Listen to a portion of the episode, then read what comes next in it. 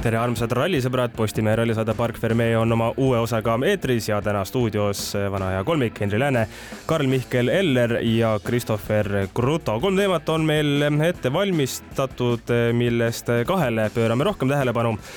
ja üks on natukene selline heietamisnurk, nagu vahetevahel ikka vaja on. Ja olgu öeldud ära ka see, et kui siin eile pärastlõunal sai Eesti meediast ju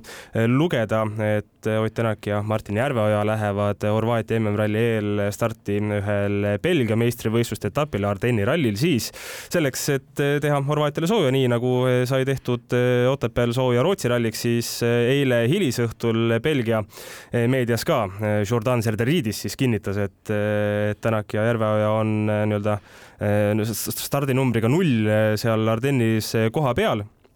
ja Gregoire Munster on, on ka, Munster on siis see mees, keda Serderiidis eh, sponsoreerib ja, ja Munster, kes teab, võib-olla hooaja lõpus saab siin Rally1 autoga ka eh, natukene sõita, aga, aga seal Belgias siis on Luksemburgi esindaja veel Ford Fiesta Rally, Rally2 roolis, nii et taas üks selline väiksem kohalik, kohalik ralli, millele kindlasti eh, saame jälle otseblogi teha ja, ja kindlasti mõnusalt vaadata, kuidas see, kuidas seal kõik läheb, kuigi selge on see, et praegust stardinimekirja vaadates mõttes äh, siis äh, ega noh, konkurente Tänakule muidugi ei ole, aga see on, see on loogiline ka. aga kuna Eesti, Eestimaa on ikkagist rallimaa ja rallihullus äh, paneb, paneb täie rauaga edasi, siis äh, sellised ka väiksemad asjad, kus on võitja nii ehk naa selge, on, on ka väga populaarsed. aga esimese teemana võtame ette Keenia MM-ralli, selleski oleme siin ühes varasemas saates rääkinud, et sellised murepilved selle ralli kohal on. noh, enam neid murepilvi selle aasta mõttes ei ole aga eile teemasid otsides äh, leidsin ühe, ühe Twitteri video, kus äh, Ababu Namvamba, tema on siis Keenia noorsoo, spordi ja kultuuriminister, kes äh, ühes noh, ligi minuti pikkuses videos rääkis tegelikult väga, väga huvitavat asja, mida ei olegi varem kuskilt silma jäänud. nimelt ta rääkis seal, seal siis nõnda. me ei saa kulutada kaks koma kuus miljardit shillingut rallile ning et see poleks kuluefektiivne. oleme korraldajatele teinud selgeks, et valitsus tahab näha kuluefektiivsust. kahju äh, on anda kaks koma kuus miljardit äh, võistlusele, mis toimub aastas kolm päeva ja on töötajad, kellele pole makstud. no see kõik siis äh, on noh, laiendab natukene või teeb selgemaks seda punkti, miks rallikomiteedes või seal korralduskomiteedes Keenia ralli puhul nii palju ümberkorraldusi toimus, et sellest nii-öelda vanast seltskonnast väga kedagi alles ei jäänud, ainult kaks inimest jäid alles kellest ühe, ühe tööroll muutus ja, ja, ja, ja teise tööroll jäi, jäi küll samaks aga, aga Nambamba ütles veel, veel seda ka, et, et see, et pole töötajatele makstud, see on kriminaalne ja teate küll, mis kriminaalidega juhtub. ja mulle tundus selle video põhjal, et seal ajakirjanikud tahtsid tema käest veel midagi küsida, aga, aga Nambamba noh, päris selline karismaatiline mees tundus olevat, igatahes seal ütles, et no las see teema jääda, las see teema jääda. aga, aga igal juhul eh, Nambamba on palunud teha Keenia rallile spetsiaalne audit, mis siis keskendub eh, WRC etapi korralduseks tehtud projektidele ja seda, kuidas on seda raha kulutatud, kas seda raha on ka õigesti kulutatud. kui sotsiaalmeedias vaadata, mida inimesed, mida Keenia inimesed räägivad, siis eh, noh, natukene selline mulje jäi, et nagu see vana korraldustiim oleks seal niisama helikopteritega reisinud, et üheks päevaks kuskil ralli, ralli koha juures einestada ja, ja noh, nii-öelda, et siis vaadata, kuidas asjad lähevad, kuigi tegelikult seal mingit erilist ülevaatust vaja ei olnud või ei olnud üldse vaja. ja, ja, ja no Mamba siis ühes teises intervjuus ütles ka seda, et ralli osas tuleb loobuda ekstravagantsetest asjadest ning olla rahaga hoolas. tahame näha naissõitjaid, tahame näha sel rallil noori, tahame näha ühiskonna tõelist läbilõiget. no see on vahva soov ma arvan, et kellelgi ei ole selle vastu mitte midagi, aga, aga kus sa need naissõitjad võtad, ma tahaks teada, et eks meil siin maailmas mõni, mõni ikka leidub, kasvõi kui võtame näiteks äh, võistlussarja Extreme E, siis seal ongi ju tegelikult kohustus, et üks, et on ühes tiimis on kaks sõitjat, üks mees, üks naissõitja aga noh, Extreme ei ole WRC selles mõttes, et ega sealt nüüd eh, niisama kedagi, kedagi ralli, ralliauto rooli ju, ju hankida, hankida ei ole, nii et eh, noh, eks, eks ole näha, kuidas see Namvamba soov või tahe, eh, tahe läheb. aga Keenia meedia kirjutas siis ka sellest, et WRC etapp on riigi majandusele ülioluline ja valitsuse sõnul tekitas MM-ralli kahe tuhande kahekümne esimesel aastal kakskümmend neli tuhat seitsesada viiskümmend kaheksa töökohta, mis tundub täiesti ulme. kuidas nii palju? Jään vastuse võlgu. ei tea, sul, sul, sul ei ole Keenias allikaid? ei ole ja, aga no kogu see jutt nagu noh, mitte kogu see jutt, aga kõik, mis seal Keeniast nagu tuleb või väga palju vähemalt eks ta mingis mõttes tahavad ennast ka väljapoole väga heas valguses näidata ilmselgelt, et ja noh, möönavadki, et kõik ei olegi nüüd ideaalne, et vahetatigi see ralli nii-öelda komitee juht ära, onju. et, et eks lõpuks siis ma arvan, jääbki väga selgusetuks, et, et mis siis need nagu reaalsed rahasummad kusagil liiguvad, sest et tõesti noh, nii-öelda need kohalikud rahaühikud, arvestades ümber eurodeks ikka olid meeletud summad, üheksateist miljonit. kaks koma kuus miljardit šillingut tähendab jah, et see on üheksateist koma kolmkümmend neli miljonit miljonit eurot, vähemalt eile pärastlõunase seisuga. kui ma selle rehkenduse tegin, Namamba ei, oma selles ähm, Twitteri videos ei öelnud midagi selle kohta, et kas see üheksateist miljonit eurot on siis näiteks ühe aasta peale või on ta kogu projekti peale, et Keenial on teatavasti leping ju kuni aastani kaks tuhat kakskümmend kuus või noh, kaks tuhat kakskümmend kuus kaasa arvatud. et võib-olla see siis jaotatakse nende aastate vahel ära, aga isegi kui see nende aastate vahel ära jaotatakse, siis see valitsuse tugi on ju igal juhul väga suur, et kui me siin võtame, et kakskümmend kolm, kakskümmend neli, kakskümmend viis, kakskümmend kuus, see on neli aastat, üheksateist koma kolmkümmend neli jagatud neljaga. no ma nüüd eh, siin liiga kiire matemaatik ei ole, aga, aga natukene alla viie miljoni euro. ja aga kui sinna sisse arvutada võib-olla ka need rallid, mis juba on olnud, mis ju tegelikult ka juba on kaks tükki olnud, onju et noh, siis Võibolla, juba see summa jah. läheb no, juba vaata, et sinna Eesti toetuse, Eesti valitsuse toetuse kanti põhimõtteliselt. jah, et, et, et see. esimestel aastatel oli? see kahjuks jäi, jäi selgusetuks jah, et mis aja peale sellest, sellest rahast jutt, jutt oli, aga no see on küll huvitav, et kui mingisugune kriminaalasi, noh, ilmselgelt on õhus, eks ju, et kui see audit ka üks hetk valmis saab, siis kindlasti selle kohta ka Keeniast saab mingisuguseid uudiseid, uudiseid lugeda ja, ja eks ole siis näha, mis, mis nende härradega, härrade ja, ja daamidega seal tehakse. ma korra veel vahelt põikan, enne kui Christopherile sõna annan, et ma olen seda härra Nambambat ise oma silmaga näinud ka. see juhtus Monacos, eh, kus toimus siis reedel, kui ralli oli pihta hakanud, eh, WRC promootori innovatsioonifoorum konverents terve pika päeva ja ja seal eh, seesama minister siis esines vaata et avasõnavõtuga põhimõtteliselt, mis noh, ei olnud nüüd mingi eriliselt silmatorkav, aga pigem oli silmatorkav see, et sul on äh, WRC promootori üritus, kus võttis sõna siis Jonas Siibel ehk et siis WRC promootori juht. järgmisena tuli see Keenia mees ja siis hakkas üritus pihta ja rohkem nagu Keenia inimesi laval ei käinud, et see oli siuke, et meil on siin tähtis külaline, kes sai ka korraks sõna. isegi seal see foorumi juhataja ei suutnud ta nime hääldada välja, et noh, sihuke nagu noh, oli piinlik olukord onju. aga sellest tuldi välja, et mul jääb natuke üldse segaseks, et mis selle WRC promootori ja Keenia vahel nagu selline tõmme on, sest et juba siis, kui see Keenia jutud tulid, et ta kaks tuhat kakskümmend tuleb tagasi, onju, no see oli ikkagi noh, kuidagi väga forsseeritud, et ma, ma nagu ei saa aru, noh, mis seal see, mis, milleks see Keenia nüüd tundub, et on ju nii esile tõstetud, et ta on tähtsam kui mõni, mõni muu ralli, et mul jääb see nagu segaseks, et tõesti vana safari mälestus kõik, aga no enam see ei ole see, sellest me oleme kõik aru saanud, et ta on kaugel ikkagi sellest, pigem sellest. suht tavaline ralli, okei okay,, ikka oma, oma eripäradega, aga ta pole nüüd mingisugune noh, täiesti ekstraordinaarne võistlus nagu. jah, ja eks muidugi promootori jaoks Keenia selles mõttes on ka väga oluline, et tegemist eh, on ju Aafrika, eh, Aafrika ralliga ja, ja selleks, et teha maailmameistrivõistlusi, siis ei noh, paratamatult ei saa, eks ju nii olla, et, et, et sõidame ainult Euroopas ja, ja, ja kutsume seda MM-iks. ja võib-olla öeldigi, et üheksateist miljonit on siin, et palun, et mingi osa kuulub teile ka, et siis ollakse nõus, on ju, mingisugust, aga noh, ma ei eeldagi, et seal midagi nagu kriminaalset on juhtunud, mina seda võib-olla, ma just mõtlen promootori poole pealt, seda kindlasti mitte, et mis seal kohalikud mehed teevad, see on omaette küsimus, et no jah, siin osas ma natukene uurisin, noh, ma küll pean tunnistama, et ega ma Keenia poliitikas nüüd eriline ekspert otseselt ei ole, et igapäevaselt sinna ei suundu aga noh, võtsin siis äh, Transparency Internationali korruptsioonireitingu siis, et iga-aastase kaks tuhat kakskümmend kaks kohta siis ähm, noh, Keenial väga roosiline ei ole, et sajast võimalikust punktist said nad kolmkümmend kaks ja see annab saja kaheksakümne riigi hulgas saja kahekümne kolmanda koha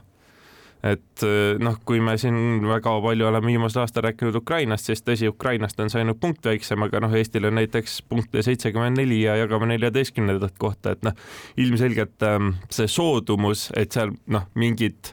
raha väärkasutamised või midagi toimus, noh, see tõenäosus on päris suur ja kui nüüd audititest ja asjadest räägitakse, siis äh,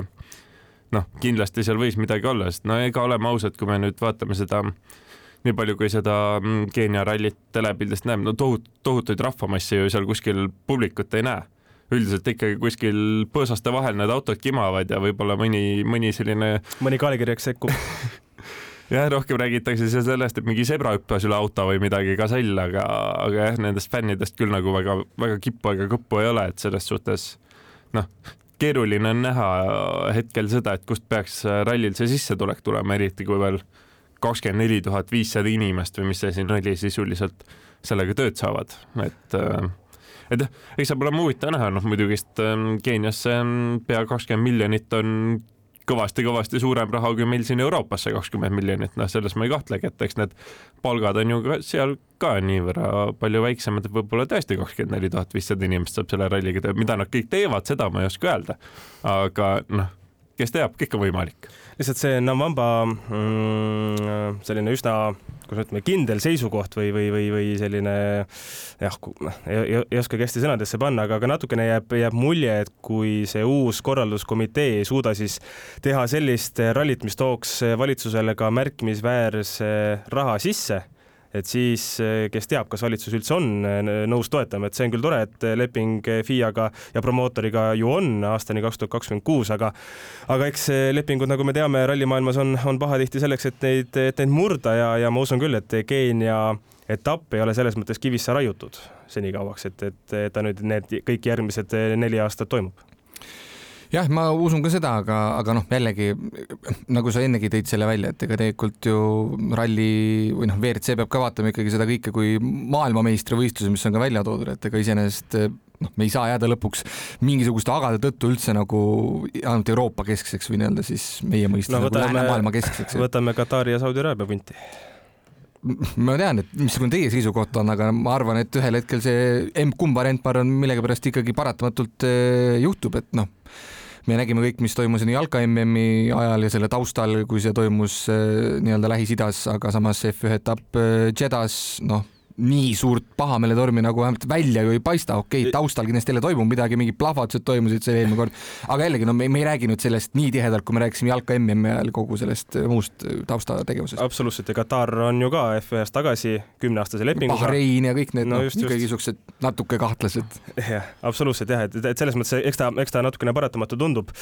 ja, ja, ja kui mõelda, et seal Katari üks ma ei tea, sultaneid, printse, mina ei tea, mis see šeik, mis see, mis see õige, õige nimetus on, aga Nasser al-Attiyah on ju ka väga rallilembeline härra ikkagi, et et selles mõttes, kui peaks olema valik näiteks kas Katar või Saudi Araabia näiteks Keenia asemel, no siis pigem valiks Katari, ma arvan. ja no mingis mõttes selles maailmas on hästi keeruline ka mingisuguseid otsuseid nüüd teha, et, et kui me nüüd ütleme, et noh, nendesse riikidesse nüüd ei lähe, sellepärast et need inimõiguste probleemid ja kõik, kuidas äh, nii-öelda seal võimuorganid äh, nii-öelda protestijatega näiteks tegutsevad, on, ütleme, et see on halb, noh, et siis me vaatame ka, mis siin meie lähinaabrus toimub seoses Ukraina sõja ja kõige sellega, et eh, kuidas Vene sportlasi on ju praegu noh, et ei lubata võistelda, aga viime selle autospordi juurde, siis seal nad ju võivad võistelda nende neutraalsete sportlastena. näiteks nüüd veebruaris tuli uudis, et eh, Paul Aron sõidab nüüd ju Prema tiimis eh, F3, noh, see pole uudis, aga uudis oli see, et Prema meeskonnas kestvussõitude sarjas hakkab sõitma Daniil Kvet et no kas ma nüüd ütleks nüüd Aronile sorry, see ei saa nagu sama sarja, aga kuule, et ära nüüd sõida Prema tiimis, sest et sa oled venelasega nagu ühes pundis. me ei ole keegi seda nagu teemaks võtnud, et noh, mingid asjad ongi mingisugused paratamatused ja, ja mis Keeniat veel puudutab, siis korralduskomitee uus esimees Karl Tundo, kellel on väga lahe hüüdnimi Flash, tema siis on sellel nii-öelda uuel Keenia rallil ka sõitjana ju osalenud, siis tema ütles, et tänavuses Keenia MM-rallis tuleb võistlus, mis ületab ilmselt kõikide ootused. noh vaatame siis ja, ja, ja rääkis Tundo seda ka, et Keenia on palunud FIA-lt eriluba, et nad saaksid võistluskilometraaži tõsta kolmesaja kaheksateist kilomeetri pealt kolmesaja kuuekümne kolme kilomeetri peale. eriluba on siis vaja sellepärast, et maksimaalne lubatud pikkus on ju reeglite järgi ühel rallil kolmsada viiskümmend kilomeetrit, aga Namvamba tahab pikemat rallit, et rohkem keenialasi saaks seda rallit kogeda mm,. siis ootame publikut raja äärde no,. No, no, no, ekraanid ja nagu Rally Estonial, bändid ja no kui jah, selle praeguse mingi kolmesaja kahe, circa kolmesaja kahekümne kilomeetri peale neid fänne väga palju sinna mahtunud ei ole, et äkki siis just see puuduv nelikümmend kilomeetrit on see, kus need fännid siis kohale tuleksid, et et siis, siis jääb ootama, et seal ralli, ralli viimased katsed on ilmselt päris pungil. jah, see on natukene nii-öelda naljakas põhjendus küll, aga aga, aga samas oleks ju vahva näha sellist pikka rallit ka, et äh, siin viimastel aastatel rohkem oleme harjunud ju selliste rallidega, mis on kas selline kolmsada või mõni isegi alla, mõni natukene ka peale siis äh, selline kolmsada kuuskümmend kolm katsekilomeetrit, see kõlab juba täitsa, täitsa hästi. nojah, et kui ta nüüd reaalselt tahabki kilomeetreid juurde tuua, kui ta räägib meeletust publiku huvist eh, või selle kasvatamisest, siis võiks ju pigem teha niimoodi, et tehke seal üks katse siis Nairobi kesklinnas, nagu Kataloonias oli Barcelona purskkaevude ümbruses, et et ma arvan, see oleks nagu see, mitte teha seal slummide taustal nii-öelda, kus seal liiva sees eh, möllati, okei okay,, Rovampere peaaegu et ralli lõppes seal avakatsel eelmine aasta, et eh, noh, pakkus küll põnevust, aga pigem tehku siis mingisugune asfaldiüritus kusagil kui nad veel ei ole selle peale tulnud, siis kuulake meie saadet kindlasti, ma usun, Keenias eh, kõik raadiolained ja sagedused on, on, on ka eesti peale krutitud ja, ja eesti keeles seal kindlasti paljud, paljud ka aru saavad. aga lähme edasi ja, ja võtame ette ERC ehk siis eh, autoralli EM-sarja, mille esimene ralli ju ka siin õige pea meie, meie ees lahti rullub kümnendal märtsil eh, Portugalis. noh, see ralli nimi on muidugi nii vahva. Rally Serras de Fafe Felgueras Poticias Viera Dominio e Cabecera Seerast de Basto noh, enam-vähem õigesti, ma arvan, sai, sai öeldud, aga ütleme siis lihtsalt Fafe ralli, eh, nii nagu me oleme seda, seda ka varem eh, tunda saanud, on ju ka Ott Tänak seal omal ajal sõitnud eh, ka sellise ettevalmistus, ettevalmistusrallina. Ja kui vaadata seda stardilisti, siis no päris kõva, ütleme, et kui me siin oleme ka oma saadetes ikkagi rääkinud ju sellest, et ERC noh, on tore küll, aga seal selliseid tipp-tipp-sõitjaid väga ei ole, siis näiteks sellel Faferallil on meil stardis MM-sarjaski tuntud mehed, näiteks Heidan Padon, Craig Priin, Mats Östberg,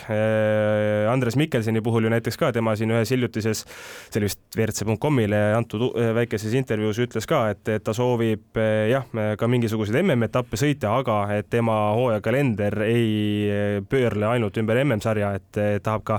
eh, mõnel, mõnel muul eh, osavõtul osaleda, nii et kes teab, et äkki me näeme Mikkelseni ERC-s, ERC-s ka. aga mis eh, selle Fafe ralliga nii-öelda kõige rohkem silma võib-olla isegi torkab, on, on see, et India rehvifirma MRF on, saadab oma no ikka korraliku armaada sinna, sinna võistlustulle, kuna MRF-i alt stardivad näiteks valitsev Euroopa meister Frene Larrena, on meil Mats Ösberg, on itaallane Simone Campedelli,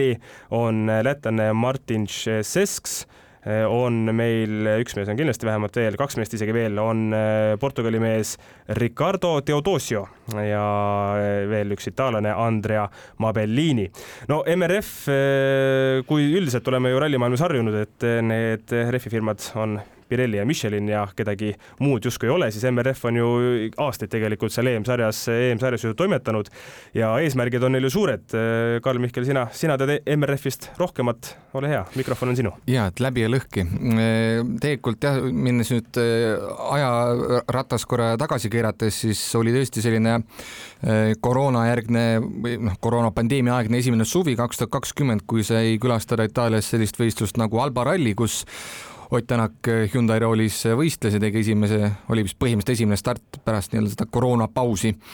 ja valmistus siis seal ähm, asfaldivõistlusteks, aga seal sai tõesti kohtuda Aasia rehvitootja või siis jah, India rehvitootja, olgem täpsemad, MRF-i äh, ralliprojekti juhi Vivek Bonussamiga ja sellest sai ka Postimehe veergudel lugu tehtud. Ja võib-olla alustuseks väikse naljaga alustades siis, et see Vivek Bonussami on selline mees, ma arvan, keda te kõik olete kuulnud kunagi, sellepärast et ta on osalenud sellises huvitavas videos, äh, kus üks India rallimees sõitis ühe Mitsubishi Mitsubishi Evoga mööda rallit ringi ja siis üks kaardilugeja kõrvalt ütles talle Samir, Samir, you have to listen to me. Samir, te ei tea seda videot või? ma näitan teile pärast. no see on, ma kümne miljonit vaatamisi saanud, kus lihtsalt kaardilugeja ütleb talle, ma tean küll, mis ma teen, ära sega mind ja siis pöörab kogu aeg vasaku asemel paremale ja liiga kiirelt kurvi ja ma kahjuks sain hiljem teada, et see Bonus Samir oli see legendaarne kaardilugeja selles videos, nii et ma ei saanud intervjuu käigus küsida selle konkreetse video kohta. aga pange Samir ja äh, Rallikaar Youtube'i ja põhimõtteliselt ka need podcast'i kuulajad leiate ülesse, mis, äh, mis videost ma rääkisin ja saate siis vaikselt ise itsitada aga, aga MRF äh, siis noh, on ikkagi väga suur rehvitootja tegelikult, et äh, Indias elab äh, üle miljardi inimese ja nemad on seal riigi suurim tootja ehk et noh, neil nagu rahavooga selles mõttes muret pole. aga noh, nendel on selge ju point nagu kõikidel teistel rehvitootjatel, et ega WRC või siis ERC sarja näol tuleb endale reklaami teha, et pigem siis Euroopas tungida tava rehvi kasutajate turule ja, ja rallis ka sama asi, et ega nende eesmärk ei olegi Michelini ja Pirelliga selles mõttes võistelda, et saada, ma ei tea, WRC amet ametlikuks rehvitootjaks, vaid pigem just nimelt see, et ERC ja ka kohalikes sarjades ennast siis müüa ja sealt seda raha teenida. no enam-vähem sama, mida tegelikult Tiimek tegi, et ega mm, tuli ju ka pildile ja isegi Eestis ju siin oli Tiimeki sari ja neid rehve täitsa ju kasutati, aga nüüd on vaikselt, mulle tundub jällegi. firma on pankrotis, peaks olema. no ma räägin, pildid maas on, et noh, mingid logod siin kusagil mõne kaubiku peal ma olen veel isegi näinud siin Eesti vahelgi mõni suvi tagasi ringi sõitmas. aga, aga MRF-i plaan on jah, siis pigem see vähemalt toona ja ma usun, et see väga muutunud on, et, et ikkagi noh, ongi, et nagu sa ütlesid ka nüüd, et Faferallil on väga palju mehi nende toetusega sõitmas ja nende rehvidega, noh, selle pealt saabki vabalt näidata, et no vaata, kus meie mees võitis siin ralli ära, eks ole, et kaks tuhat kakskümmend aasta olid MRF-i tiimi sõitjad Greg Priin ja ja nüüdne siis äh, WRC kaks maailmameister Emil Lindholm, kes toona ikkagi oli veel äh, suhteliselt arenemisjärgus sõitja, et meie küll teda teadsime, sest et tema isa oli siin Eestis sõitnud ja kogu seda tausta, et äh, aga jällegi maailma mõistes oli Emil Lindholm mitte keegi, juba siis Bonus Sami ütles, et pange sellele mehele silm peale, onju, et noh, nüüd saabki natuke rindkummis öelda, et me ju teda algusaastatel toetasime ikkagi vägevalt ja, ja vähemasti kaks tuhat kakskümmend ütles ka Bonus Sami sellised kuulsad sõnad, et tegelikult meie ei vaata ju sõitja rahvust, keda me toetame, me lihtsalt tahame kiiret sõitjat toetada. Et kindlasti mingisugused äh, rahavood peavad ka sõitjal olema, et vaevalt see MRF nüüd kõike seda seal kinni maksab, mis toimub. aga väga suure osa ilmselt küll ja kuna tegemist on peaaegu et maailma esikümnesse kuuluva rehvitootjaga tavaautode mõttes, siis, äh, siis kindlasti nagu rahalisi vahendeid neil on, et, et läbi lüüa ja ka, ja ka rehvifirma enda ajalugu küündib sinna aastasse nelikümmend kuus, nii et noh, rallirehve on tehtud enne, vähem. enne meie ajaarvamist või pärast tuhat üheksasada nelikümmend kuus. et, eh, et jah, et, et noh, selles mõttes nende ajalugu on vägev, on ju, mootorspordiga teevad veel sina sõprust, aga, aga noh, ma arvan, nüüd on jällegi sellest intervjuust, mida ma siin refereerin juba ju mitu aastat mööda läinud, et kindlasti on neid samme edasi tehtud ja ja, ja see, et ei ole püssi põõsasse visatud, et mingi hetk nagu neid mu meelest ka nagu seda pilti jäi seal ERC sarjas vähemaks, seda MRF-i, aga noh, nüüd kui me toomegi selle Fafe näite, kus no vaata, et noh, päris kümmekond sõitjat vist ei ole, aga, aga, aga ikkagi juba kahega sõrmedel vist on neid sõitjaid põhimõtteliselt, kes, kes nagu nende, nende kirjadega sõidavad, et siis, siis jääb ainult üle loota, et, et nende see arendustöö ei ole ka luhta läinud, et me ju Tiimekigi näitel teame, et Ott Tänak ikka natuke sai seda rehvi firmat ju kiruda, kui need ikkagi ei töötanud, me teadsime, mingitel rallidel me paneme juba siin sekund kilomeetrile sellepärast otsa, et ta ei saa Michelini vastu, onju. et kui MRF nüüd ikkagi suudab ennast tõestada, siis, siis miks mitte nagu läbilöögiks, noh, läbilöök juba on tehtud, aga et jah, mis nende selline pikem plaan on nagu siin varasemalt see Bonus Sami ütleski, et nemad ei tahagi Pirelli ja Micheliniga võistelda, vaid nagu ajavadki seda erasõitjate rida, kus siis on võimalik rohkem ka teenida jah, ja üldiselt eh, tuleb ikka öelda, et eh, MRF-i nii-öelda osalemine rallimaailmas on siis tegelikult ju väga, väga kiiduväärt, eh, kuna kes teab, kas me muidu oleksime Mats Ösbergi taas, noh, võib ikkagi öelda ju, et tipptasemel küll näha ja, ja, ja ega Larena ja, ja näiteks Campedelli ja teiste ja, ja näiteks Sesk, Sesksi puhul ka noh, jumal seda teab, kui palju nad oleks mida muidu sõitnud, sellepärast et ega rahaliselt on ju, on ju keerulise, keeruline aeg kõigil. Suurbritannia rallisõitja Chris Ingram näiteks siin hooaja eel ju ka eh, palus rahvaabi eh, crowdfunding'u näol, et, et, et saaks, saaks MM-sarjas noh, vähe, vähe muretumalt tegutseda. John Armstrong, Põhja-Iiri rallisõitja, kes on siin JVRC-s eelmised paar, kaks aastat vist oligi, kui, kui Armstrong sõitis seda sarja siis ju ka äh, ikkagist äh, rahva, rahva tugi tema ta, äh, tema taga oli, eestlastegi puhul me ju seda teame, nii et selles mõttes on, on, on, on igal juhul vägagi tervitatav, et, et hindud on eurooplastele nii-öelda appi tulnud ja, ja, ja annavad, annavad väga hea võimaluse tegelikult. et kui me vaatame ka seda vahve nimekirja, siis Larenal on Škoda Fabia RS Rally kaks ehk siis see kõige, kõige uuem Fabia. Sesksil on ju täpselt samamoodi, nii et.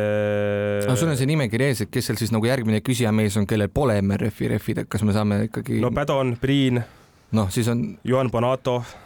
et siis ikkagi tulebki reaalne konkurents ka mitte ainult, kellel on Škoda Fabia kõige uuem versioon, vaid kellel on mis rehvid all, et. just, et see ja see on ka asi, mida igal juhul on, on huvitav, huvitav jälgida ja noh, Fafes on ju neli Eesti meest on ka stardis okei okay,, Eesti mehi natukene rohkem, mõni Eesti kaardilugeja eh, ka veel, aga eestlastest siis Gregor Jeets ja Timo Daniel, eh, Georg Linnamäe ja tema siis Suurbritannia passiga kaardilugeja James Morgan, Robert Virves ja portugallane Hugo Magalhaes ning eh, siis ka meie noorema põlvkonna või noh, veel noorema põlvkonna, ütleme siis sõitja Joosep Ralf Nõgene ja, ja, ja talle loeb kaarti keegi muu kui meie vana hea sõber Alex Lesk. nii et eh, Fafer oli ka selles mõttes eh, huvitav, huvitav kindlasti jälgida, kuidas eestlastel läheb ja, ja, ja, ja kuidas need MRF-i rehvid siis, eh, siis ka vastu peavad, et sõitjate nii-öelda see mm, nimekiri, kes MRF-i alt lähevad, on, on, on, on ju igal juhul hea ja, ja, ja nii-öelda sõitjate taha küll mitte mingil juhul mitte midagi ei jää ja, ja ERC sarjas on ka see, et noh, kui MM-sarjas ju ongi ju rehvi tootja nii-öelda lukku löödud, mis puudutab WRC-d ja WRC kahte, et vist nii-öelda täiesti väljaspool ikka võid sõita mõne muu rehviga ka ikkagi sõidumehed, et siis ERC-s on ju ikkagi ametlikult noh, nii Michelin, Pirelli, MRF kui ka Hankook, et noh, selles mõttes on asi aetud laiaks. noh, võib-olla siin mõne ringraja sarja, sarja näol meenutame F1-te, kus toimus kunagi Bridgestone ja Michelini vaheline võitlus, et et noh, ei olnud võib-olla nii, nii tore, kui sõidad, et me läheme ringrajale, kus noh, Bridgestone ei saa üldse hakkama ja Michelini mehed võidavad ja vastupidi, noh, rallis see vahemiselt nii suur olema ei saa, aga jällegi mingis mõttes mingisugune taktikaline lüke on nagu jälle olemas, et ma usun, et see mingis mõttes seda maailma nagu muudab nagu selliseks noh, kas nüüd ettearvamatumaks, aga toob mingisuguse teise vaatenurga nagu sisse. lisab vürtsi just, ütleme siis niimoodi. Ja, ja, ja kui Rally2 äh, autodest või sõitjatest veel, veel rääkida, siis äh, paar asja veel jäid silma, näiteks poolakas Kajetan Kajetanovitš, kes eelmine aasta võitles ju WRC kaks äh, maailmameistritiitli eest, siis tema tegi hiljuti, käis hiljuti testil, seal sõitis nii vana Fabiaga ehk siis selle Rally2 Evoga kui siis ka selle uue, uue RS-iga ja, ja andis siis sotsiaalmeedias teada, et nüüd on vaja teha otsus, millise autoga edasi minna. Ja, ja et vaatab seal testi mingisuguseid andmeid ja igasugust analüüsi teeb ja, ja siis otsustab, eh, kumma, kumma auto kasuks eh, tema valib, seesama Chris Ingram, eh, kellest natukene sai, sai, sai mainitud, tema avaldas lootust, et järgmine MM-start, mille ta teeb, teeb samamoodi selle RS-iga, et Monte Carlos, kui ta stardis oli, siis tal oli ka see vanema generatsiooni Fabia, samas nagu Rootsis nägime, kus Jari Huttunen sõitis enam-vähem sellise Fabiaga, mis võiks juba kuhugi ajaloo annaalidesse kuuluda, kas oli vist seitse aastat vana auto noh, muidugi seal kindlasti mingisuguseid uuendusi ja asju, asju on ka peal, aga, aga, aga, aga, aga kahtlemata pole see ka nii, nii hea kui see uus, uus RS, siis oli ka tegelikult ju päris, päris tubli, arvestades seda, mis autoga ta sõitis ja, ja sai, sai, sai täitsa kenasti hakkama. Jah, eks, eks ilmselgelt kõik need Škodad ju tegelikult kiired on, lihtsalt noh noh, ise nüüd mõtlen küll, et vaevalt, et Škoda laseb välja auto, mis nad äh, mõtlevad, et noh, ma ei tea, äkki ikka noh, nibin-nabin võib-olla on kiirem, et noh, ilmselgelt kui Škoda ikkagi nüüd selle RS-iga välja tuli ja see, kui ähm, kui palju seda promoti, kui, kui palju sellest räägiti, kui väga nagu kõik seda ootasid, siis noh, ja vaadates ka nüüd siin ähm, hoo või aasta alguses peetud rallide tulemusi eelmise aasta lõpus samamoodi, siis no on ikkagi näha, et see RS on üks paganama kiire ralliauto ja ma arvan, et kui mina oleks Kajetan Kajetanovitši mm, asemel, siis, siis ma võtaks kohe selle RS-i kahe käega vastu. ei hakkaks seda testitelemeetrit vaatamagi, vaid, vaid teeks otsuse kohe. kui Fafe peale mõelda, siis neid RS ralli kahtesid on siin lisaks Larenale on see Austria jännerralli legend Simon Wagner. Sesks on, on, on RS-iga, RS-iga on Erik Ais näiteks ja RS-iga on ka selline Poola mees nagu Mikolai Martšik, nii et eh, neid RS-e ka. EM-sarjas eh, päris, päris tublisti näha on, arvestades, et ega neid autosid liiga palju toodetud ei ole, vist umbes paarkümmend tükki, nii et eh, selline peaaegu neljandiku saame juba siin Faferallil kätte. ja et no nõudlus on kindlasti suurem ja kui ma pole nüüd seda Kajatanovitši enda postitust nüüd näinud, aga sinu jutu põhjal tundub täpselt see, et et ta nagu mingis mõttes võrdleb nagu võrreldamatud ehk et võib-olla ütlebki lõpuks, et tal käib valik selle järgi, et noh, eelmine aasta sai ka ports rahast kulutatud selle jaoks, et jahtida MM-tiitlit. et eks ole, ole nüüd näha, mis ta see hooaeg siis ette võtab, onju. aga, aga et võib-olla ongi see, et kas ta näeb, et see RS on nüüd nii palju parem või pigem on see, et paneme vana autoga edasi ja hoiame eelarvet näiteks rallide jaoks, et. jah, ja vana auto on ju selles mõttes äh, kätte sõrjetud, et, et, et sellega mingisuguseid üllatusi, üllatusi ei ole, mis noh, ma ei tea, võib-olla RS-iga äkki, äkki, äkki võib juhtuda, äkki, äkki mitte. Äh, siin veebruaris tuli selline vahva, või noh, vahva, selline uudis ka, et, et äh, M-Sport on siis endale nii Poola kui ka Inglismaale kogunud kolmsada seitsekümmend Fiesta kere, keret ja, ja, ja, ja neid oli vaja koguda sellepärast, et Ford kahe tuhande kahekümne kolmanda aasta, kas oli see vist juuni või mingi selline suvine aeg minu mälu järgi oli, lõpetatakse see Fiesta seeria tootmine ära, aga M-spordil on Fiesta, Fiestasid ju, ju, ju väga vaja, kui ralli ühes sõidetakse Ford, Ford Puma põhjal või baasil ehitatud autoga, siis Rally2, Rally3, Rally4, need kõik autod on, on, on Fiestad. Ja nagu siin lugeda on ka olnud, siis nii Rally3 kui ka Rally4 Fiestade mõttes noh, arendustöö käib, käib kõva edasi ja noh, Rally2 aega, noh, tore, on küll tore, et räägitakse, et on vaja natukene siin seadeid eh, sättida ja siis saame ka selle auto, auto kiireks, aga no ma ikka usun, et, et, et küll Rally2 osas ka suurem arendustöö käib. Aga see info tuli siis Saksamaa väljaandest Motorsport Aktuell ja seal oli üks selline huvitav, huvitav lüke veel, et Škoda siis väidetavalt on ka Fabiast loobumas, ütleme siis niimoodi, et Fabia tootmisest äh, loobumas, seal mingisugust kindlat daatumit ei antud, aga, aga jutt oli selline, et pigem see juhtub, noh, mis, kui üldist autoturgu vaadata, et kõigil ikkagist või noh, kõik autotootjad peaaegu eh, enamus uued autod, mis nad ju toovad, on mingis, mingisugused maasturid, mingisugused eh, SUV-d, kui siis eh, seda Ameerika lühendit või ingliskeelset lühendit kasutada. nii et pole ime, miks siis selliste väiksemate autode, autode osas nagu Fiesta ja Fabia, noh, eks ilmselt nõudlus, nõudlus on lihtsalt nii palju väiksem, et neid ei ole, ei ole otseselt mõtet, mõtet toota, võtavad siin Nambambast eeskuju, et on vaja kuluefektiivsust. aga, aga eks kui näiteks ka, kui ka Škoda peaks otsustama, et Fabia tootmine lõpetatakse, siis äh, ma usun, et äh, nii-öelda rallispordi mõttes ega see Fabio kuhugi ära ei kao, et äh, küllap siis see Škoda mootorispordi osakond ka ikka võtab neid keresid mitusada tükki ja, ja ehitab seda autot senikaua, kuni, kuni nõudlust on ja, ja kuniks see on, on ka kõige, kõige etem autoralli radadel. nojah, et huvitav nüüd vaadata M-spordi puhul täpselt, et kui me oleme siin erinevates podcast ides ka rääkinud sellest, et kui vähe nad võrreldes konkurentidega uusi autosid ikkagi nagu noh, müüvad, onju et siis välja arvutada, et mis see oli, kolmsada, ei palju neid keresid kokku tuli, et mida, mingi osa oli kolmsada seitsekümmend, kakssada viiskümmend oli Poolas ja sada kakskümmend oli. kõik kokku oli kolm, jah, kõik kokku kolmsada seitsekümmend. noh, et see ikka annab päris mitmeks aastaks, tundub nagu varu et noh, päris nii ei ole, et see nüüd kahe aastaga otsa saaks no. on üks asi, aga vaatame teist perspektiivi, kui me räägime pidevalt ju auto nii-öelda tootjatest, nende eesmärgist rallisarjades olla, et kui sa lõpuks ei müü ei Fiestat, ei müü ei Fabiat, et mis mõte on siis sul selles, et sul rallis võidad Fabiat ja Fiestat, et no kas sa lõpuks lihtsalt muudad nime ära, ütleme, võidab Puma ja võidab, ma ei tea, mis iganes no no siin on muidugi, no siin on muidugi ka see, et noh, kui me vaatame, et Rally1 on noh, Rally1 on puhtalt nagu promo selles suhtes, et Rally1 ei tehta sellepärast, et teenida kasumit Rally1 autodelt, vaid selleks, et tõsta läbi selle enda äh, enda siis e-, Bränd, ennast, ennast kõrgemale, jätta inimestele head muljet ja seeläbi siis suurendada müüki, aga kui me vaatame nüüd Rally kahte, Rally kolme, Rally nelja, noh, siis nendel on ka turunduslik eesmärk selles suhtes, et noh, see Škoda Fabia ralli programm, ma ei kujuta ette, kui palju see on aastate jooksul Škodale siis toonud, ilmselt päris palju ja toob ikka veel. noh, äh, alustame sellest, et üks asi on uute autode müük, aga ma arvan, et veelgi suurem on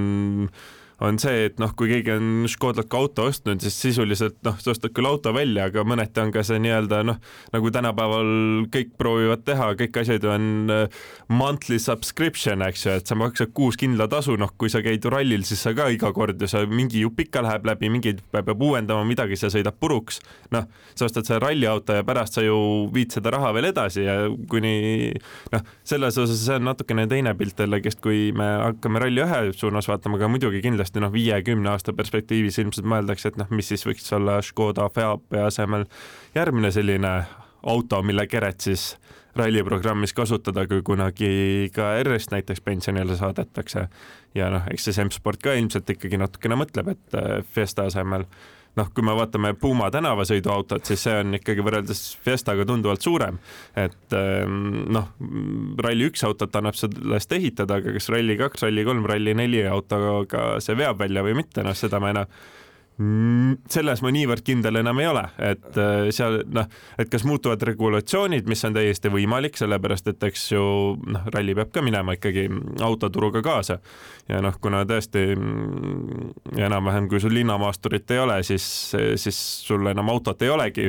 viimasel ajal niimoodi paistab, siis, äh, siis ühel hetkel tõesti võib-olla ka mm, regulatsioonides need autod tehakse natukene suuremaks, need piirmäärad. Škoda Kodiaq ja Ford Explorer ja no selles mõttes on ju Rally1-ga ju niigi juba nüüd Rally1-ga ju paar aastat, mis ta on olnud, teist aastat, ongi ju selge juba see, et autodel on küll mudeli nimed, aga neid ju ei toodata, ei toodeta enam nii-öelda nendele keredele, et kõik tehakse nullist. et noh, selles mõttes võta tänavapuma ja pane selle Rally1-ga kõrvuti, no neid võrdluskohti on väga vähe jäänud, onju et kui siin vanasti räägiti, et noh, mis siin on ukselingid ja võib-olla midagi veel onju, et no siis Rally1-s vist on, ongi ukselingid vist jäänud enam-vähem võib-olla ainult. aga et selles mõttes just ju Rally2 autod on nagu mingilgi määral võrreldavad, siis ma ei tea, võtad selle Fabia mingisuguse tänavasõidu sportmudeli, et noh mi, mingid asjad on nagu sarna-, sarnased onju. et noh, kui me räägime sellest tõesti turunduslikust äh, väljundist nendel autofirmadel, aga jällegi, et võib-olla on tõesti lihtne tulevikus öeldagi, et kuule, aga nüüd kõik Fiestad muutuvad äh, Kamikideks või Kodiakideks või mis iganes, et võib-olla see on nii tehtav, et ma ei kujuta ette, aga aga ma arvan, autotootjad kindlasti vaatavad neid, sest et selle mudeli eesmärk ongi ikkagi turundada ka ja ikkagi kokkuvõttes ka tänavaautode müüki kasvatada. ja noh, muidugi, kui me vaatame, kui, kui palju neid autotootjaid näiteks praegu siin Dakaris võistleb ja kuidas sinna juurde minnakse, noh, kui sul on siis valida, et, et noh, et et linnamaasturiga sõidad äh, WRC sarja ja maasturiga sõidad Dakari, äkki on mõistlikum, et siis linnamaastur ära jätta ja ehitad põhine ehitad lihtsalt selle maasturi peale ja sõidad Dakari ja mis saab MM-sarjast, noh, seda äh, jumal teab. et, et eks selliseid ähm, küsimusi hakkab ka kindlasti sellega kerkima, aga noh, eks ole, eks see on jah, selline asi, et noh, järgneva mingi viie aasta jooksul ilmselt me selles osas väga palju targemaks ei saa ja niikuinii kogu veel kütuse temaatika ka sinna hulka, millest me eelmine nädal rääkisime Christopheriga, et noh, see veel kõik seda maailma muudab veel rohkem pea peal, et ja lõpeb sellega, et äh, kaks tuhat kolmkümmend kuus võidab äh, MM-tiitli keegi, kes sõidab Teslaga. või keegi, kes on ai Robo, robot pannakse rooli näiteks. chat GPT pannakse sõitma ja. ei, chat GPT on kaardilugeja. jah, ja see koostab parima legendi kõikide teiste legendide põhjal. ilmselt küll ta hangib kõik eh, need eh, WRC pardakaamerad kokku, vaatab, kes on, kes on, kes on mis kurvis kõige kiirem ja kõige parem. ja nii läheb mitte, nii, kes nüüd kuulis, me pole veel kopi- või seda pole patenti veel teinud, nii et tegutsege kiirelt. just, aga viimase ja, ja siis ka sellise heietusteemana me võtame ette oma meelisrallid. asi tõukub puhtalt sellest, et WRC sõitjatelt siis küsiti, millised on nende lemmikrallid. mõni mees otsest vastust, vastust ei öelnud, et noh, näiteks mulle meeldib, ma ei tea, San Remo või, või Austraalia, aga, aga mõni mees vastas küll, näiteks Kalle Roompere ütles, et Rally Estonia on alati see, mida mina enim, enim naudin. huvitav, miks? no ei tea tõesti jah Elvin Evans, Craig Priin ja Takamoto Katsuta äh, ütlesid oma lemmikuks Soome. Thierry Neuville tõi näiteks välja Uus-Meremaa, Mehhiko ja Argentiina ning Pierre-Louis Lube sõnul meeldib temale kõige rohkem Monte Carlo. ja koostasime meiegi siis äh, oma, oma nimekirja, panime sinna kolm esimest ja loeme, ma arvan, ükshaaval need äh, kõik ette ja, ja väikesed selgitused ka muidugi juurde. alustan, alustan siis ise, kui ma juba häälepaaled olen, olen soojaks saanud ka. kolmandal kohal on minu edetabelis Soome Soome on eh, vahva ralli, Soome on väga vaatemänguline ralli ja see vaatemängulisus eh, pluss kiirus ongi see, mistõttu või mistõttu õigemini on öelda, tänu millele mina siis Soomega enda pingereas kolmandaks asetasin. tõsi on ka see, et Soomes noh, ütleme niimoodi, kuna ta on nii kiire ralli, siis eh, ega, ega seal ju mingisuguseid tohutuid ajavahesid tihtipeale ei näe, mis tähendab ka seda, et see teeb eh, selle ralli palju põnevamaks üldjuhul, et Soomes oleme ikka üpris palju näinud, näinud neid kordi, kus, kus võitjat ja, ja teist kohta ei lahuta teps, teps mitte palju. pluss eh, Soomes on alati ka tore rallipublik, sinna on Eestist lihtne minna ja nii palju, kui ma ise Soome rallil olen katsete ääres, ääres olnud, siis, siis on, on täitsa vahva koht, aga, aga mitte, mitte kõige lahedam minu jaoks. teisele kohale asetasin Monte Carlo, pole ühtegi katset Monte Carlo rallil kohapeal jälginud, aga Monte Carlo on minu arvates samamoodi vaatemänguline nagu Soome, aga see vaatemängulisus on täiesti teistsugune. Ja see Monte on selles mõttes selle väikese koefitsiendiga, et see õige Monte ehk siis see, kus ongi rehvi valik, rehvi valikutega võimalik väga suuri vahesid teha. Eh, see, kus olud võivad väga riukalikud olla, et sul on, ma ei tea, kahekümne kilomeetrine katse, kümme kilomeetrit sõidad kuival asfaldil, siis viis kilomeetrit lume peal, kaks kilomeetrit jää peal ja viimased kolm kilomeetrit, kolm kilomeetrit saad jälle asfaldi peal sõita, et väga selline, kuidas ütleme väga eriline ralli ja, ja, ja, ja kindlasti ka need neljapäeva õhtused siis õhtu või ööpimeduses sõidetavad katsed on ka sellised, mis annavad sellele vaatemängule palju-palju juurde ja mis, mis tekitavad põnevust, pluss Monte ju alati hooaja või noh, peaaegu alati hooaja esimene etapp ka, et siis eh, ka selline see ootusärevus, eh, mis enne hooaega nii ehk naa on, on tänu Montele veel kõrgem, eh, kuna, kuna Monte lihtsalt kui ta on selline klassikaline või traditsiooniline, siis, siis on, on eriti, eriti riukalik ralli, aga esikohale mina asetasin Kataloonia ralli see on äh, ralli, mida on õnnestunud endal ka koha peal, äh, koha peal jälgida ja äh, minu arvates ei ole ralliautot mm, nii-öelda lahedamas seades, kui ta on siis asfaldiseades, et see, kui agressiivsed need autod on, kui ütleme, asfaldi peal minu arust, minu arvates näeb palju paremini seda, kuidas auto näiteks pidurdusmaal mõjub või liigub ja niimoodi. et, et kuidas me ütleme, puhtalt siin nii-öelda auto vaatemängulisuse mõttes on, on, on Kataloonia minu jaoks kindlasti, kindlasti number üks. toredad katsed, nagu sõitjad ise ütlevad, siis on ju paras selline WRC GP või noh, kõige lähedasem asi nii-öelda ringrajasõidule, mis, mis autoralli maailmas olla saab. see kohalik fännlus on seal väga-väga lahe ja hea ja, ja noh, sellisel väga mõnusal ajal ka Kataloonia üldjuhul ju kavas oli, et selline oktoobrikuu umbes, et saad sellisest külmast, külmast ja kõledast Eesti sügisilmast eh, sooja saluusse päikese kätte, saad isegi võib-olla jalakesed või eh, varbakesed vette kastetud, kui tahad ja, ja üldiselt Kataloonia minule lihtsalt on eh, ralli jälgimise aja jooksul jätnud kõige suurema ja, ja, ja kustumatu mulje. Christopher ja no minul ähm, on siis nimekirjas lausa kaks rallit, äh, mida praegu mm kalendris ei ole, aga alustan siis kolmandalt kohalt sellega, mis on. Äh, võtsin siis valiku selle järgi, et mõtlesin, et võiks igalt pinnaselt valida lemmiku ja noh, talveralliga väga, väga suurt valikut ei ole, et äh, et Rootsi sinna tuli, et Arktika oli küll tore, aga noh, seal ikkagi neid katsekilomeetreid natukene jäi, eks ju, vähemaks kui muidu ja noh, eks ta oli kiirkorras korraldatud küll pean möönma, et pigem on see lõunapoolsem Rootsi, mida ma tegelikult igatsen, nii et pooleldi võib ikka öelda, et äh, seda praegu mm kalendris ei ole, aga noh noh, talveralli on ikkagi, seda on äge vaadata, see, noh, tegelikult nagu ju räägitakse, et ega sul väga palju paremat pidamist ei ole, kui seal jää peal, kui need pigid võtavad ilusti sellest pinnasest kinni need kiirused, mida talverallidel arendatakse, see, kuidas neid valle seal graatsiliselt silitatakse, noh, või või, või mitte nii graatsiliselt. või mitte nii graatsiliselt, et, et noh, seda, seda on äge jälgida lihtsalt, et noh, ja mm kalendris peab olema talveralli ja noh, kuna see Rootsi on, see tuleb siia ka panna, et et selle, see, seetõttu see kolmandale kohale jäi, teisel kohal valisin siis asfaldiralli ja mõtlesin ka korra Kataloonia peale, aga lõpuks otsustasin, et mulle tegelikult ikkagi Saksamaa meeldib rohkem äh,. väga äge ja omanäoline ralli just siis see, mis seal Moseli piirkonnas sõideti Prantsuse piiri ääres noh, ühtepidi on sul see Panzerplatte, kus siis mm, tihti juhtus asju, ootamatult keegi lõpetas kuskil, mm, kuskil betoonkamaka otsas või läks ootamatult kuskil rehv, siis on seal viinamarja istanduste vahel seal mäge, mm, mägisemates piirkondades, kuidas sõidetakse, kuidas neid viinamarja põõsaid seal vahepeal maha sõideti, keegi lihtsalt kuskil, kuskil vahel käis kogu see, kogu see ka väga lahe ja noh, seal ka kohati see ilm, ilm, ilm mängis rolli, tuli vihm, läks kohe-kohe põnevamaks, et igatahes ja noh, muidugi Eesti, Eesti rallisõpradele noh, need viimased aastad, kui see mm kalendris oli, väga palju rõõmu tõi ju kolm aastat järjest. Ott Tänak seal võitis, et ikka veel viimane mees, kes siis Saksamaa MM-rallil võitnud on. ja esimesele kohale panin mina Argentiina ma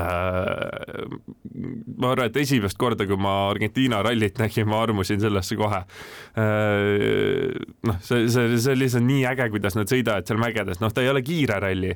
aga see, kuidas nad sõidavad seal mägedes kaljunukkide vahel, vaata El Condori katset eriti, kus sul on noh, mis seal räägitakse, et kuni sada tuhat inimest ühe katse peal, noh, see, mis seal selle ralli ümber toimub, on võimas, see ralli ise on äge, seal tihtipeale juhtub asju, noh Äh, kaks tuhat kaheksateist Argentiina oli ka ilmselt esimene kord, kui me nägime reaalselt seda, mida Ott Tänak suudab siis Toyota Yarise rollis teha, oli siis esimene ralli, mida noh, võib öelda, et ta domineeris. ja noh, sealt edasi noh, kõik ülejäänu on juba ajalugu, et äh, et on soojasid mälestusi ja tõesti minu arust on lihtsalt nii äge, kuidas need autod seal kaljunukkide vahel ukerdavad mägedest üles-alla ja jah, mina ei suuda ägedamat rallit ette kujutada, aga kahjuks kahjuks seda ka mm kalendris vähemalt see aasta veel ei ole, loodetavasti järgmine aasta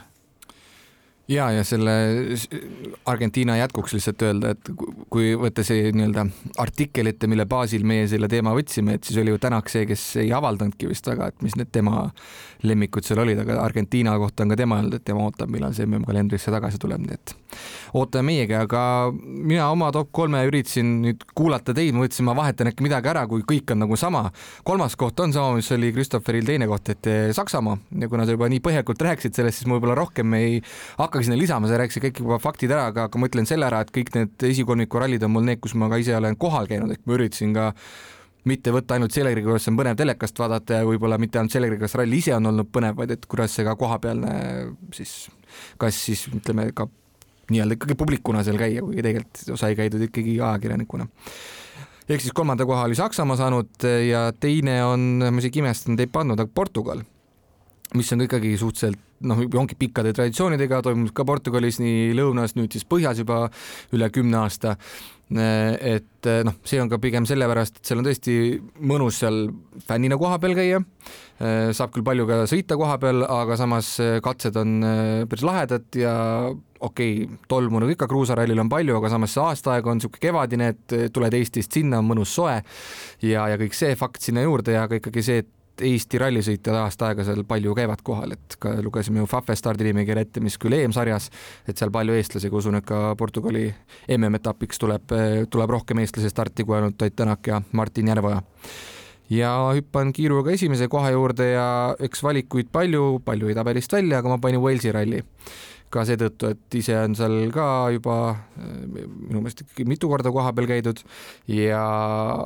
pigem ka see, et võib-olla fännile ta pole kõige parem, sest et eh, ju Inglismaal või siis Suurbritannias sõidetakse ju neid rallisid eh, noh, nii-öelda erateedel, et seal ju on see noh, põhimõtteliselt need teed ongi niisugused natuke nagu metsateed põhimõtteliselt, et nad on nagu tavaliiklusele suletud teed eh, nii-öelda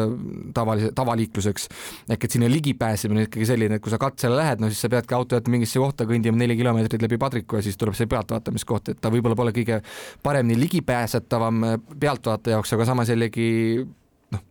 Wales kui selline ikkagi võistluslikus mõttes on meile ka päris palju pakkunud ja alati, et sealne see ilmaolu, et on sombune, ta muudab selle keeruliseks sõitjate jaoks ja ja küll meil äh, on ka pakkunud sealt ju võiduemotsiooni, nii et selles mõttes äh, Ott Tänaku ja Martin Järveoja näol siis, nii et selles mõttes